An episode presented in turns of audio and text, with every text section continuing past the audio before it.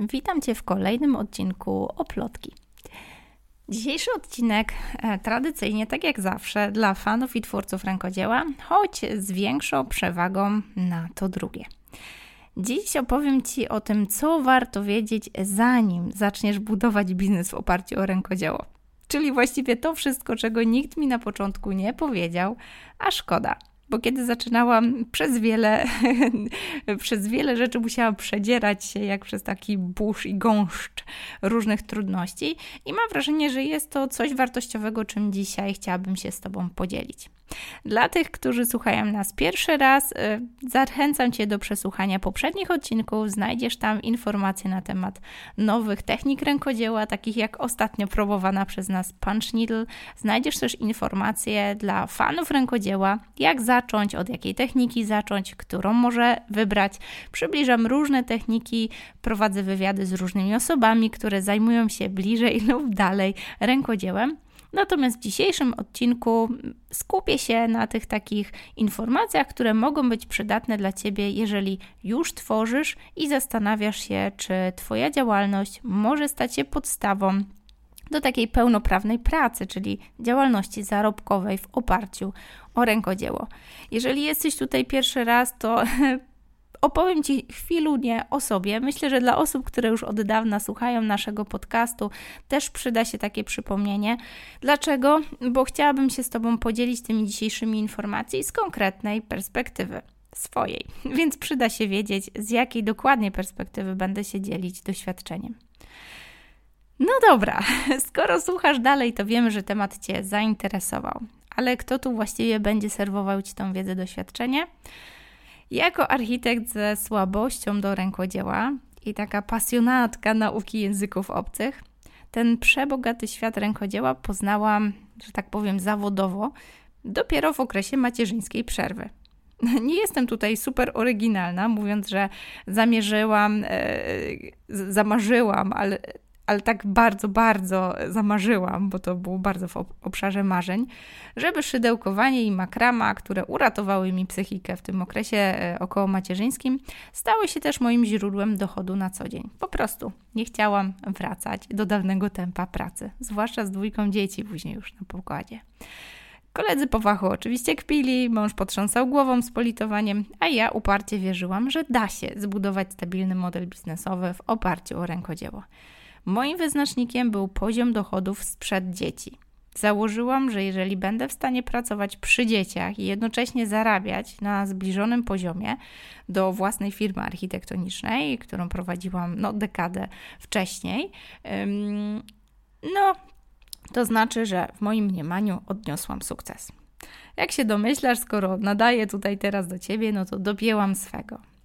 No, Dopięła mi nie tylko, bo mam wrażenie, że jestem trzy kroki dalej niż zakładałam na samym początku. No bo oprócz zadowolenia z poziomu zarobków, mam też frajdę po prostu tworzenia takiego modelu biznesowego, który wspiera moje życie prywatne, jakieś osobiste marzenia, cele, a nie odbywa się ich kosztem. Po drodze nauczyłam się korzystać z wiedzy i doświadczenia innych. Wybierałam osoby, które osiągały to, czego ja zamierzałam dopiąć. I tak jestem tu, gdzie jestem. I to z tej perspektywy chcę się z Tobą dzielić. Skąd ten krok dalej? Bo kiedy zaczynałam, było trudno. Rzeczywiście zarwane noce, błyskawiczna praca w czasie drzemek dzieciaków, e, jakieś poczucie, że ciągle coś mi umyka i ciągle coś mi nie wychodzi, że wszyscy mają jakiś złoty patent na sukces, tylko ja go jeszcze nie odnalazłam. Do czasu. Ja się bardzo uparłam. Uśmieszki męża i jakieś tam komentarze, że no chyba czas wracać do odbierania upierdliwych telefonów z budowy, wracać na tą architekturę. One działały na mnie, no delikatnie mówiąc, bardzo motywująco. Zdecydowałam, że architektura w moim wydaniu to będą rękodzielnicze dodatki do wnętrz, niespieszne konsultacje najdrobniejszych detali, wystroju, takiego handmade, no i wykonane dłońmi polskich twórców wyjątkowe prace. Oczywiście stało się to powodem mojej oplotkowej przygody, bo po drodze pojawiło się jeszcze bardzo wiele innych działalności, których na samym początku w ogóle nie brałam pod uwagę. One tak jakby zaczęły rodzić się w trakcie, w odpowiedzi na potrzeby rynku. Zaczęłam od tworzenia produktów i to były głównie szydełkowe pufy, dywany, makramowe dekoracje, jakieś poduchy.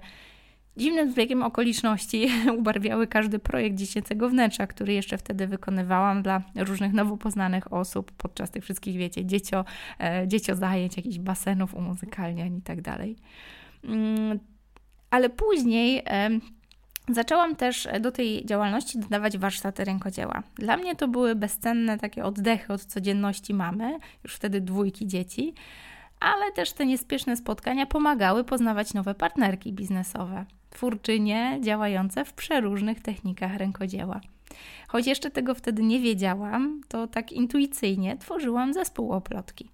Kiedy poczucie, że czasu zaczyna brakować, a możliwości finansowe firmy dochodzą właściwie do ściany, doba jakoś nie chciała się rozciągnąć, aby pomieścić kolejne warsztaty.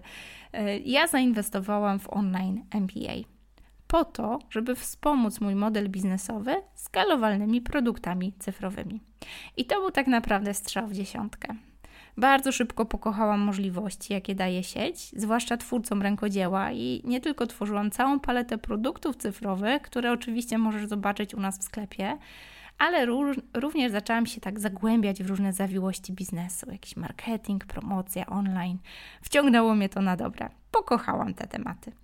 Do dzisiaj oczywiście sprzedaję stworzony kilka lat temu kurs szydełkowania online, nieco już odświeżony na nowej platformie, e, kurs makramy online oraz całą masę nowych kursów, które na przestrzeni tych kilku lat powstawały. Zachęcam Cię, żeby po prostu popodglądać je w sklepie.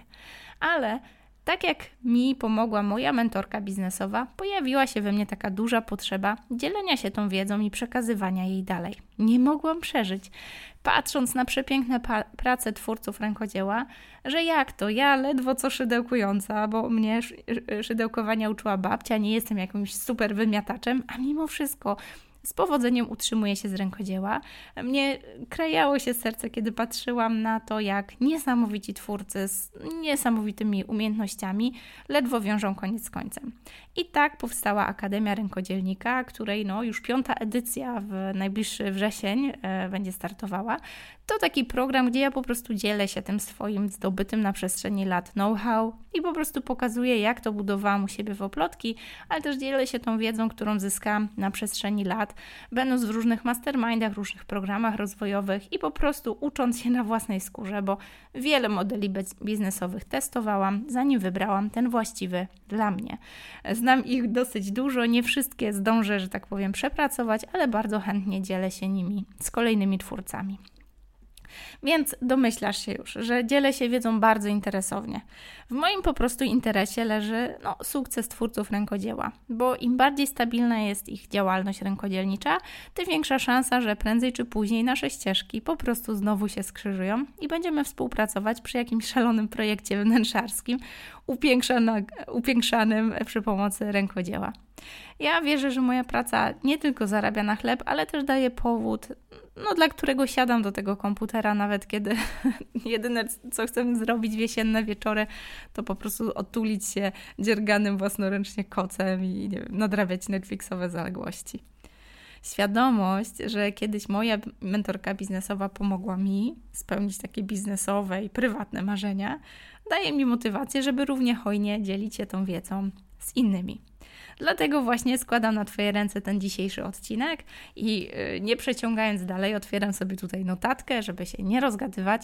Opowiem Ci o kilku konkretach, które myślę, że mogą zmienić Twoje myślenie o biznesie w oparciu o rękodzieło, ale mogą Cię też uchronić przed takimi, no, twardymi lekcjami, które ja musiałam często odebrać na bazie, no, wpadek i kosztownych, y, i kosztownych eksperymentów, a które wierzę, że dadzą Ci bardzo dużo do myślenia. No to startujemy.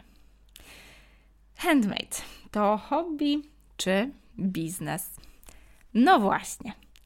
Dla jednych to ukojenie nerwów po pracy, błoga ostoja i ucieczka od tempa codzienności, a dla innych to sposób na dodatkowy dochód na boku. Dla jeszcze innych to podstawowe źródło dochodu. Nic innego jak po prostu praca. I każda z tych dróg jest ok, ale kiedy zaczynamy opacznie traktować jedną jako drugą, to już tak super nie jest. Jeżeli wydajesz choćby krocie na materiały do twórczości, dziergasz i po prostu masz z tego frajdę, rozdajesz przepiękne prezenty, za co uwielbiają cię znajomi, a czasem nawet uda ci się coś z tego sprzedać, ale najczęściej dziergasz po prostu za dobrą kawę, to nie ukrywajmy, jest to hobby. I nikomu nic do tego. Nawet jeżeli, nie wiem, mężu przyłapujecie na zakupach nowych włóczek z promki i marszczy brwi, bo poprzednie nie mieszczą się w szafie, nic nikomu do tego. Ryzykownym zaczyna się to robić, kiedy wmawiasz sobie, że choć rachunek zysków i strat, często takich finansowych, przechyla się mocno na minus, że jest to Twoje źródło zarobku, że jest to dochód, że jest to praca. No nie, nie jest to biznes. Biznes to wtedy, kiedy jesteś na plusie. I oczywiście okresy, kiedy więcej inwestujesz niż zarabiasz albo popełniasz jakąś finansową gafę, to norma, ale warto sobie uświadomić jedną fundamentalną różnicę. Kiedy handmade jest Twoim hobby, to po prostu jest to w pełni uzasadniony wydatek na siebie. Jak wakacje nad morze, wiem, czy fryzjer, czy kosmetyczka, czy nie wiem, cokolwiek jeszcze. Jeżeli ma to być biznes natomiast, to ostatecznie dążysz do zarabiania, a wydatki traktujesz jako inwestycje. Niezależnie czy w materiały, narzędzia, rozwój osobisty czy rozwój zawodowy.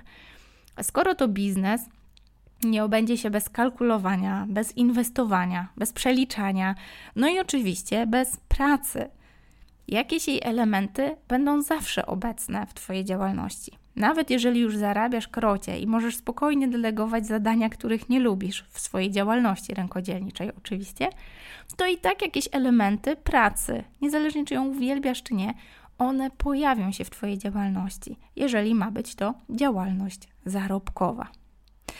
To oczywiście bardzo spłycone i uproszczone rozróżnienie, ale moim celem jest uczulić Cię na to, aby jak najszybciej uświadomić sobie, czego chcesz. Jeżeli to jest relaks, hobby, odpoczynek, ok.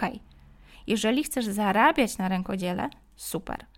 Pamiętaj jednak, że tutaj obowiązują zupełnie inne reguły gry. Nie warto mieszać tych dwóch stref. Albo wydajesz, albo chcesz na rękodziele zarabiać. Wmawianie sobie, że przy dzierganiu dziesiątej chusty yy, gdzieś tam kiedyś ją sprzedasz i to, to nie jest wcale hobby, tylko to jest biznes, no po prostu donikąd nie prowadzi. Po prostu lubisz je dziergać i zastanawiasz się, co też teraz z nimi zrobić, żeby móc dziergać następne. I to jest totalnie ok, ale bez pochylenia się nad strategią biznesową, no to te chusty jeszcze trochę poleżą albo trafią do przypadkowych osób, które nie będą w stanie docenić ich wartości. I nie daj Boże, sprzedasz je po bardzo zaniżonej cenie. Warto natomiast jak najszybciej zyskać jasność, czego od rękodzieła tak naprawdę chcesz.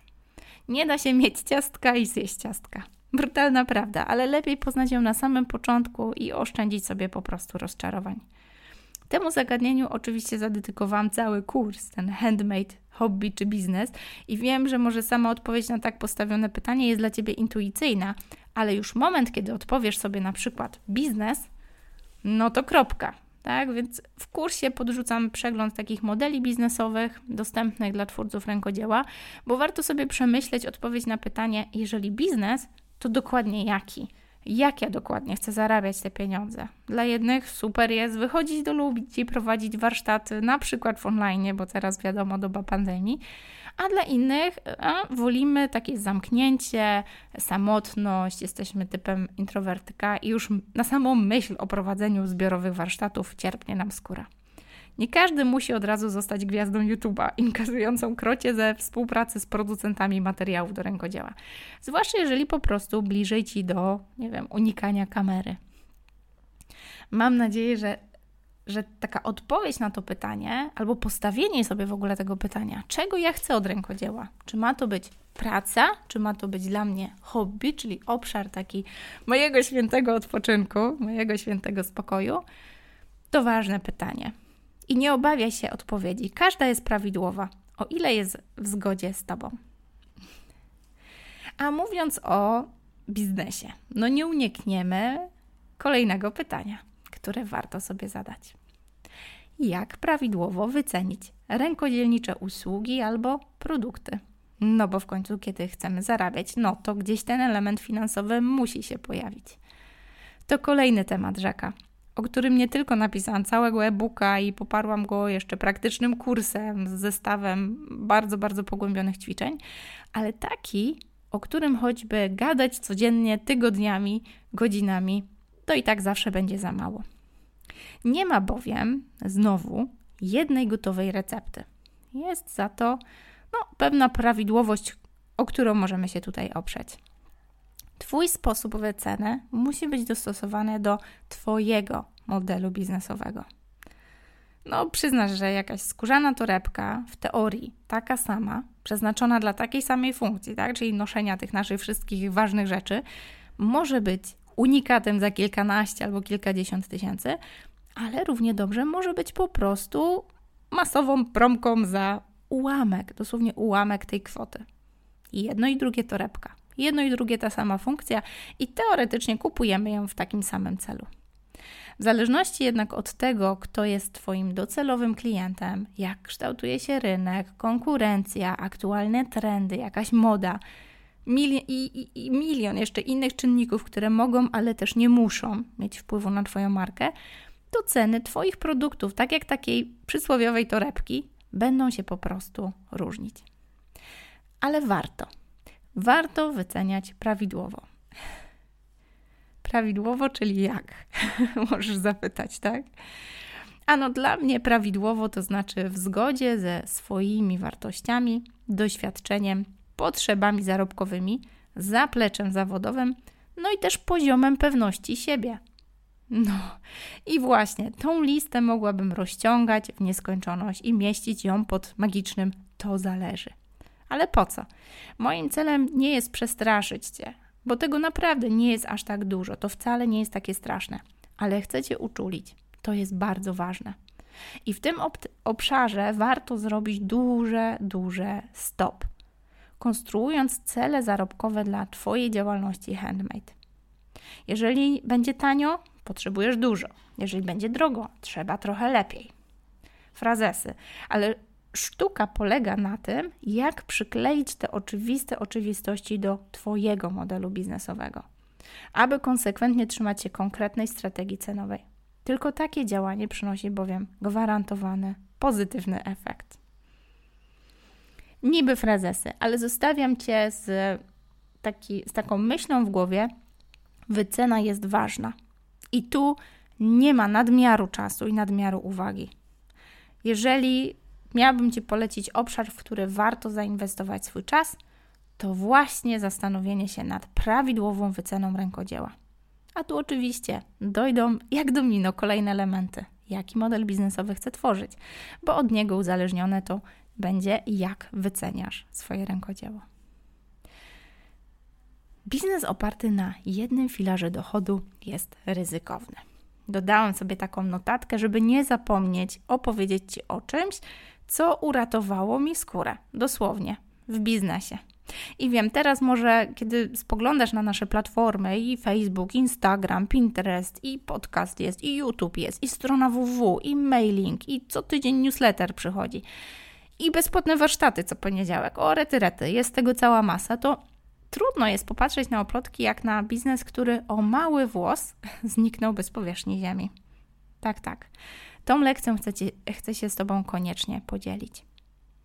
Biznes oparty na jednym filarze dochodu jest po prostu ryzykowny i choć wydaje się to tak jakby w teorii oczywiste, to zbyt często przycieram oczy ze zdziwienia, kiedy twórcy wpadają tak jakby w moje progi i u mnie żalą się czasami, opowiadają o jakichś spektakularnych wpadkach. No i dobra, no nikt z nas nie mógł przewidzieć pandemii, ale już opieranie całego modelu biznesowego o jedną usługę, na przykład tylko prowadzenie warsztatów stacjonarnych w pracowni, albo, e, nie wiem, jeden produkt, biżuteria na imprezy, to myślenie, które, czy strategia, która pogrzebała covidowo świetne firmy rękodzielnicze. Po prostu nikt nie wychodził na imprezy, więc biżuteria z dnia na dzień przestała być kupowana, a warsztaty właściwie wymiotło z grafika z dnia na dzień w, pamię- w dniu pamiętnego marca 2020. Rozwiązanie? No właśnie, jest rozwiązanie. Dywersyfikacja. No i wiem, mądre słowo, ale jak to przełożyć na nasze, na ludzkie? Nie chcę Ci tutaj serwować prawd absolutnych, typu 20% Twojego biznesu to powinny być usługi albo produkty komplementarne w razie W, bo można szybko zmienić kurs na rynku. Nie, znowu to jest bardzo indywidualne, ale już posiadanie planu B to totalny must have. W Oplotki od kilku lat rozwijałam filar online, jak ja to mądrze nazywam. Kursy rękodzieła, programy rozwojowe dla twórców rękodzieła, e-booki, warsztaty online, warsztaty rękodzieła dla dużych firm, wsparcie jakichś eventów stacjonarnych. Rety, czego u nas nie było. Wymieniłam chyba kilka z kilkudziesięciu rzeczy, których robiłyśmy. Wieczory panieńskie z makramą w tle, baby shower przy jakimś tam dzierganiu kocyków dla maluszka, integracyjny weekend z jogą i haftem, o rety. No ale oczywiście, kiedy pandemia wykosiła wszystko, co wymagało kontaktu z drugim człowiekiem, produkty i usługi online, choć, choć przyznam, że mocno niszowe na co dzień w naszej działalności, naturalnie załatały dziurę w całkowitym budżecie. No i oczywiście nie namawiam Cię na kopiowanie rękodzielniczej palety produktów czy tam usług oplotki, tylko po to, żeby taki kombajn w razie czego zbudować, ale zachęcam Cię do tego, żeby poprzyglądać się tym, które może dla ciebie są, jakby są tobie bliskie, albo myślisz sobie, no kurczę, one to robią, też bym mógł, albo też bym mogła. I w razie podobnego kryzysu nie szukać po prostu w panice rozwiązań, ale na spokojnie rozwijać sobie takie plany awaryjne, uczyć się pewnych mechanizmów, uczyć się, no choćby prowadzenia warsztatów online, w razie czego teraz, kiedy jest dobrze, kiedy masz chwilę oddechu, kiedy jest trochę czasu, albo porządkować sobie swoją działalność, żeby sprawdzać, które elementy Twojej działalności są dochodowe, a które przynoszą straty. To też dywersyfikacja. Sprawdzanie, który sektor w Twojej działalności działa lepiej, a który gorzej. I stawianie na czarnego konia, kiedy po prostu chcesz zarabiać. Jak to zrobić w praktyce? Hmm. Paradoksalnie, jakby trochę wbrew temu, co właśnie powiedziałam, warto skupić się na jednym. Opanuj na tyle, aż będziesz w stanie automatyzować, upraszczać, może wyłapać i wykorzystać to, co działa najlepiej, właśnie takiego czarnego konia, takiego bestsellera, a pozostały czas zainwestuj w rozwój kolejnych możliwości. Czyli najpierw dopiłuj jedno, a później bierz się za następne. Sprzedajesz produkty? Świetnie. Pomyśl o jakimś e-booku na temat tego na przykład, jak je pielęgnować, zamiast pisać każdej klientce podobnego maila. Bach, już oszczędzasz trochę czasu. Prowadzisz warsztaty? Sprawdź, jak możesz robić coś podobnego w sieci. Na przykład z możliwością skalowania, czy automatyzowania, czy nagrywania fragmentów do wykorzystania na potem. Bach, robisz coś raz, a możesz wykorzystywać ponownie posiadasz może ogromną bazę kontaktów do producentów, bo chyba przetestowałaś czy przetestowałeś wszystkich możliwych polskich dostawców. Spróbuj zebrać to w formie płatnego przewodnika dla Twojej niszy i dziel się nim za każdym razem, kiedy kumpela czy kumpel po fachu zapyta, gdzie tam te cud nożyczki kupiłaś. To tylko kilka przykładów, ale możliwości jest bez liku. Trudno przewidzieć, jak dokładnie będzie zmieniać się rynek rękodzieła, ale uważne obserwowanie takich trendów i odpowiadanie nowymi produktami albo nową komunikacją dotyczącą tych produktów, które już masz, odpowiadanie na takie rodzące się nowe potrzeby klientów, to strategia, która zawsze działa. Dla przykładu, kiedy od kilku lat sprzedawałam kurs szydełkowania online. Mówiłam o nim jako o narzędziu, które możesz wykorzystać do kontynuowania nauki szydełkowania po spotkaniu takim stacjonarnym, czyli po jakimś takim dwu-trzy godzinnym warsztacie z podstaw, kiedy złapiesz bakcyla i spodoba Ci się, możesz pogłębiać tą wiedzę, wykupując sobie właśnie taki kurs i wtedy już ucząc się no wszystkiego od A do Z. Natomiast teraz komunikacja na temat tego kursu, kiedy już wszyscy oswoiliśmy się z potęgą online'u i ta wymuszona cyfrowa rewolucja e, sprawiła, że wierzymy, że przez internet da się nauczyć naprawdę wszystkiego. Komunikacja dotycząca dokładnie tego samego kursu to już po prostu hej, nauczymy Cię szydełkowania bez wychodzenia z domu. Przyznasz, że sprytna odpowiedź na nasze zupełnie nowe potrzeby, które pojawiły się właśnie teraz w pandemii. Oczywiście kurs teraz jest bardzo zaktualizowany, przeniosłyśmy go na nową platformę, bo sprzedaż rzeczywiście wzrosła, kiedy wszyscy dostawaliśmy fioła w domach, to kurs szydełkowania online przychodził nam na ratunek. Ale przyznasz, że na pewno taką ideę jesteś w stanie wdrożyć też w swojej działalności. Kolejne ważne pytanie, które warto sobie zadać. Ja zadawałam sobie to pytanie wielokrotnie i zawsze odpowiadałam na nie tak, ale niekoniecznie musi być taka sama odpowiedź u ciebie. Czy da się z dzieckiem na ramieniu? tak, tak jak wspomniałam, ale potrzeba determinacji i takiej dużej samoświadomości. Sama właśnie w okresie okołomacierzyńskim zbudowałam i z powodzeniem rozwijałam oplotki. No, dwójka maluchów, kiedy zaczynałam, a trzecie jakieś półtora roku temu, no cóż, to poprzeczki, które rzucam sobie pod nogi, ale to była świadoma decyzja. To właśnie dzieci stały się moim motorem, takim motywatorem do niszowania się z tradycyjnego rozumienia architektury, tak? To mój wyuczony i praktykowany od dekady zawód, gdzie biegałam po budowach, do, doglądałam wnętrza albo budowy dużych kubator, ale właśnie świadoma decyzja do niszowania się do rękodzieła dla wnętrz wraz z całym pakietem usług i produktów takich około rękodzielniczych i biznesowych. To właśnie dlatego powiem, da się, tak? Ale przyklejona jest do tego cena cena drzemki maluchów, kiedy ty przy komputerze, długie samotne wieczory z biznesem w tle, ciągłe wybory, no i w końcu duża część obowiązków domowych, które no trzeba było odpuścić albo przekazać mężowi, który no niezbyt pałał radością do wspierania takiego biznesu. z drugiej strony, czy oplotki byłyby tu, gdzie są, gdybym czekała, aż te moje dzieci urosną i nastąpi ten legendarny lepszy moment? No nie, Najlepszy moment już był dla każdego, każdej z nas. Wczoraj, tak w przeszłości. Więc drugi, jaki mamy najlepszy, to dziś, tu i teraz. Więc warto, warto zacząć jak najszybciej, nawet z tym przysłowiowym dzieckiem na ramieniu, ale warto jednak z głową, żeby po prostu się nie wypalić no nie dasz rady w takim samym tempie, co koleżanka z poduszką finansową na koncie i, nie wiem, ośmioma godzinami dziennie w pełnej gotowości i skupieniu do pracy. No nie. No będziesz zmęczona, frustrowana i czasem choróbsko dziecka pokrzyżuje ci misternie snuty biznesowy plan. Mówię głównie w rodzaju żeńskim, nie chcę obrażać żadnych panów, no ale bądźmy realistami. Jeszcze ciągle w naszym kraju pokutuje to, że to my, kobiety, zajmujemy się tymi dzieciakami albo ciąży na nas ten jakiś dziwny społeczny obowiązek. Ale po prostu warto się nastawić, że to naturalna kolej rzeczy. Na pocieszenie mogę dodać, że na przestrzeni kilku lat mojego wspierania e, rękodzielniczych biznesów nie poznałam, naprawdę nie poznałam tak zorganizowanych i zmotywowanych przedsiębiorczyń, jak właśnie mamy.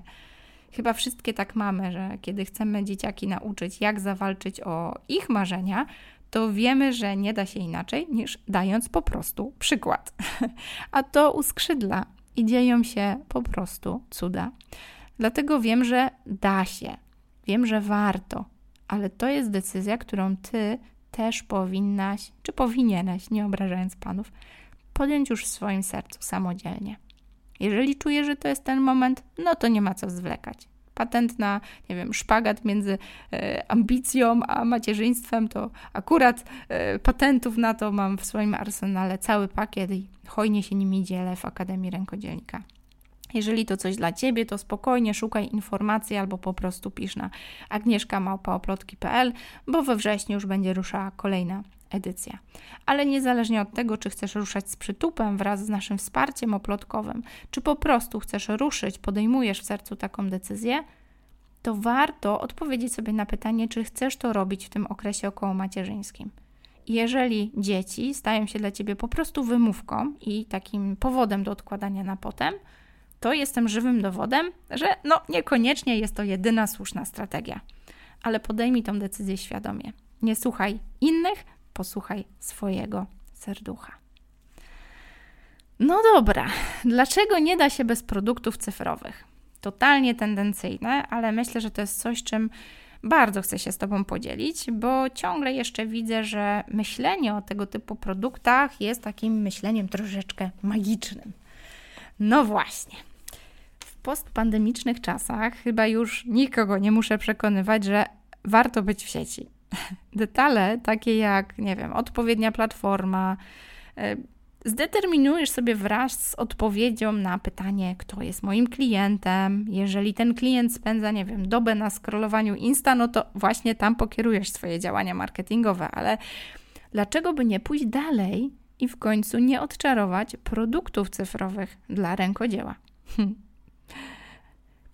Nie, nie musisz od razu tworzyć wypasionego kursu wideo z bajerami na super platformie z automatycznym mailingiem i fakturowankiem. No nie.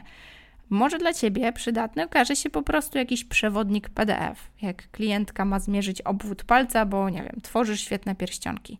To już jest produkt cyfrowy.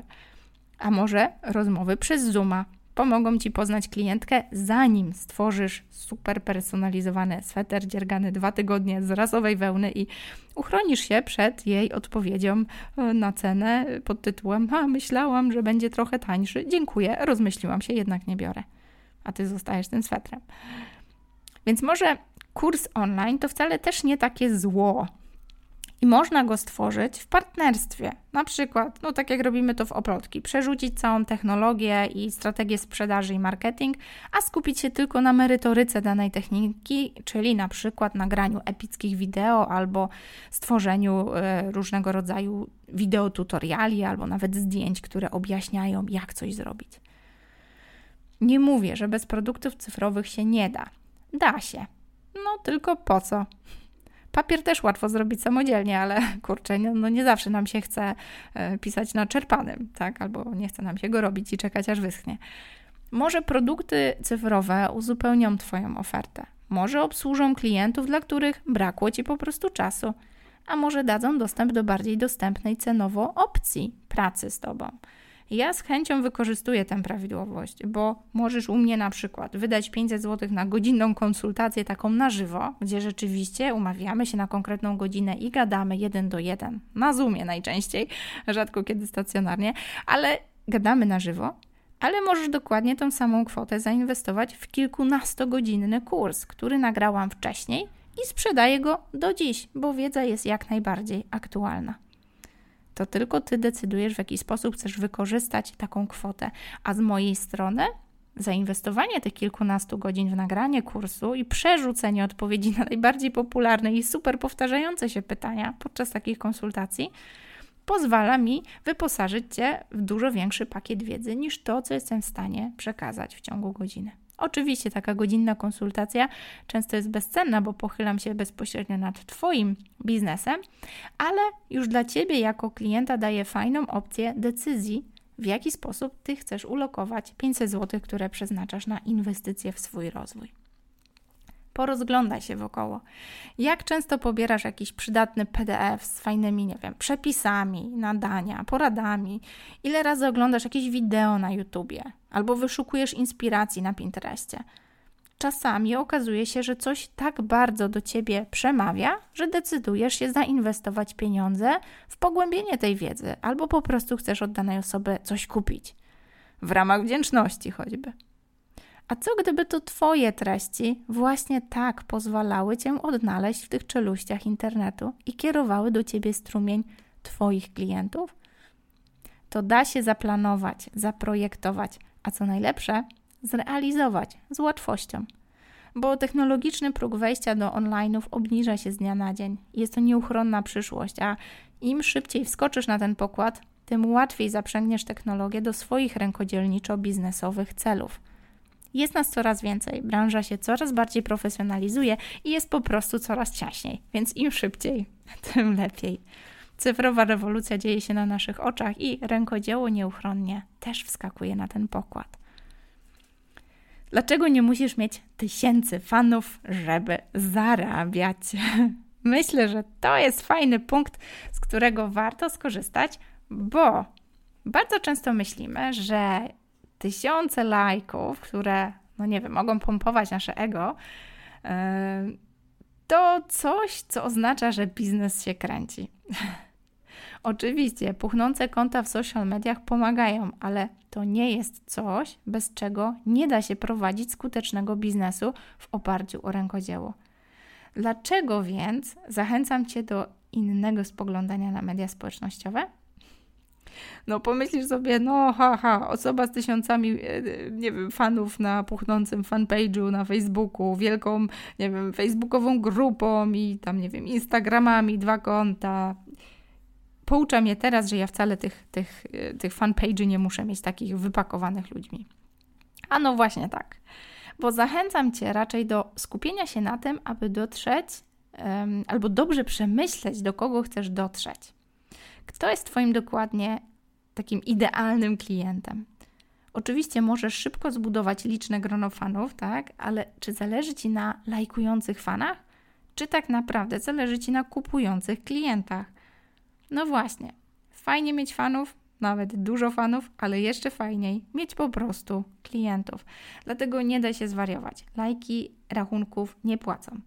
Pomyśl raczej o sensownej strategii. Zamiast o kolejnym patencie na 10 sposobów na poprawę zaangażowania pod postem na Insta, pomyśl raczej o sensownej strategii dla Twojego biznesu. I znowu sensownej, czyli dostosowanej do Twoich potrzeb, Twoich możliwości czasowych, do Twojego charakteru, sposobu zarabiania i tego, jak lubisz zarabiać. No bo po co wbijać się w strategię, nie wiem, codziennych Insta Stories, kiedy jedyne o czym marzysz to zaszycie w pracowni i po prostu tworzyć. Ok, zostawiam Cię z tą myślą.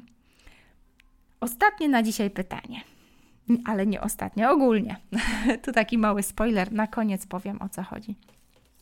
Dlaczego nie warto dać się zwariować automatyzacją? Wiem, kuszące. Da się zaplanować różne automatyczne posty na social mediach. Da się zrobić automat do wysyłania maili. Da się zaplanować, nie wiem, tonę postów, na, nawet na blogu, czy nawet wideo na kanale YouTube. To wszystko da się zaplanować. Dlaczego więc namawiam Cię, żeby nie dać się zwariować? Kusi nas, żeby być takimi super profesjonalistami, super wydajnie wykorzystującymi pędzący czas. No tu akurat jestem winna, więc przyznaję się, że to na własnym doświadczeniu bardzo mocno. Czasem jednak okazuje się, że tak mocno stawiamy na ilość treści, automatyzujemy, planujemy na potęgę, żeby mieć z głowy, żeby szybciej, żeby na zapas, żeby te nasze treści po prostu bombardowały i wyskakiwały z lodówki, że te nasze treści po prostu przestają działać. I wiem, kuszą planery postów na miesiąc z góry, tam nie wiem, jakieś wzory gotowców do pobrania za free, czy to grafiki, czy to teksty. Ale szczerze, czy uważasz, że ktoś jeszcze w dzisiejszych czasach to wszystko czyta? To jeszcze pikuś tam czyta, komentuje, udostępnia, bo w końcu o to nam chodzi, prawda? A co gdybym ci powiedziała, że nadchodzi era postautomatyzacji? A co gdybym ci powiedziała, że najlepsze przekazy to te, gdzie jesteś nieuczesana, z bajzelkiem za plecami, ale po prostu na żywo i jesteś sobą? Sprawdzone na własnej skórze. Oczywiście nie streszę ci całej strategii, którą od dawna już e, stosujemy w oplotki. O wiele lepiej niż wypasione automatyczne lejki sprzedażowe. E, chcę cię zostawić z jedną myślą. Jeżeli nie jesteś wymiataczem technologii i nie automatyzujesz, planujesz i nie wykorzystujesz godziny przed komputerem na tonę zadań na tydzień na zapas, jeżeli nie ogarniasz, wiesz, tych milionów platform, Instagram, Facebook, podcast, YouTube, Pinterest, to wcale nie znaczy, że jesteś na straconej pozycji. Więcej. Masz prawdopodobnie w głowie otwartość na zupełnie nowe, świeże podejście. Takie racjonalne, takie zdroworozsądkowe – Oczywiście uczę szczegółów w Akademii Rękodzielnika, ale nawet jeżeli nie masz teraz przestrzeni na zagłębianie się w to wszystko na żywo, to zasiej, zasiej w swojej głowie taką myśl. Mam dość automatów. Kropka. Mamy jako społeczeństwo dość tych cyberautomatów. Internet to może być miejsce realnej relacji z drugim człowiekiem i Twój klient tęskni za tym równie mocno jak Ty. Brak supertechnologicznej wiedzy to może być Twoja supermoc. Ale ponownie, i tu znowu odsyłam do Akademii Rękodzielnika, warto zaplanować to w konkretną, e, w konkretnej formie mm, strategii. Oczywiście nie musisz wszystkiego wiedzieć na start. Tu zapętlam do tego, co powiedziałam przed chwilą. Tych punktów, które przygotowałam sobie, aby się z Tobą podzielić, jest jeszcze drugie tyle. Wierzę, że jeżeli ciągle tego słuchasz, to te rzeczy są dla ciebie interesujące, ważne, albo przynoszą ci takie myśli, które gdzieś tam intuicyjnie pewno były w tobie i podskórnie je czułaś czy czułeś, ale w końcu ktoś to powiedział głośno. Dlatego, żeby nie przemęczać cię dzisiejszym odcinkiem, który i tak wyjątkowo długo, dzisiaj prawie 40 minut, zapraszam cię na kolejny odcinek już za tydzień. Bo tam streszczę Ci kolejne punkty, które wypisałam sobie w takim dużym zagadnieniu pod tytułem czego na początku nie wiedziałam i nikt mi nie powiedział, kiedy zaczynałam prowadzić biznes w oparciu o rękodzieło. Zachęcam Cię oczywiście bardzo serdecznie do odwiedzenia notatek do tego odcinka, bo tam znajdziesz wszystkie potrzebne e, informacje, linki. Oczywiście odeślę Cię też do Akademii Rękodzielnika, która będzie startowała już we wrześniu, bo jeżeli po wysłuchaniu tego rodzi się w Tobie taka decyzja, albo właściwie ta decyzja już w Tobie była, że tak, ja wiem, że chcę budować biznes w oparciu o rękodzieło i nie chcę bić się z rzeczywistością samotności. Chcę otoczyć się grupą osób, które mają podobny cel. Chcę z nimi dyskutować w zamkniętym gronie, żeby nikt nie podkradał moich pomysłów, ale jednak, żeby móc z kimś realnie podyskutować o wszystkich za i przeciw. To to jest ten czas i to jest to miejsce. Podlinkuję Akademię Rękodzielnika, ona będzie startowała we wrześniu, ale jeżeli Ty w sobie już podejmujesz taką decyzję, to nie czekaj. Większość miejsc już mamy zajęte, to będzie bardzo kameralna, butikowa edycja, zresztą jak zawsze, więc nie będzie wielkiej, że tak powiem, akcji sprzedażowej. Cieszę się, że ta piąta edycja to też już taka edycja, na którą pracowały wszystkie poprzednie i pocztą pantoflową wieść o Akademii się niesie. Więc jeżeli Ty czujesz, że chcesz wskoczyć do naszej społeczności i skorzystać z tego know-how wypracowywanego latami, to nie czaj się, nie wstrzymuj, po prostu pisz na agnieszka.małpaoplotki.pl i daj znać, że chcesz więcej szczegółów. Ja podeślę Ci wszystko mailowo, albo ktoś z naszego zespołu po prostu da Ci cynka, na jakim jesteśmy etapie, czy mamy jeszcze miejsca, czy możemy Cię przyjąć na pokład i jak to dokładnie we wszystkich szczegółach wygląda w tej edycji. Trzymaj się, mam nadzieję do usłyszenia za tydzień. Jeżeli czujesz, że ten odcinek ma w sobie wartość, która może być przydatna dla kogoś z Twojego bliskiego grona, śmiało podziel się nim. Będę super wdzięczna. Podcasty to jedyna platforma, która na siebie nie zarabia w naszym oplotkowym biznesie. To coś, co robię po prostu z serducha, bo wierzę, że dobro w jakiś irracjonalny sposób po prostu wraca. Więc jeżeli Ty czujesz, że możesz tym się podzielić dalej, możesz komuś sprawić tą wiedzą prezent, to jak najbardziej nie czekaj i po prostu to zrób. Do usłyszenia za tydzień. Trzymam kciuki za Twój rękodzielniczy biznes. Do usłyszenia.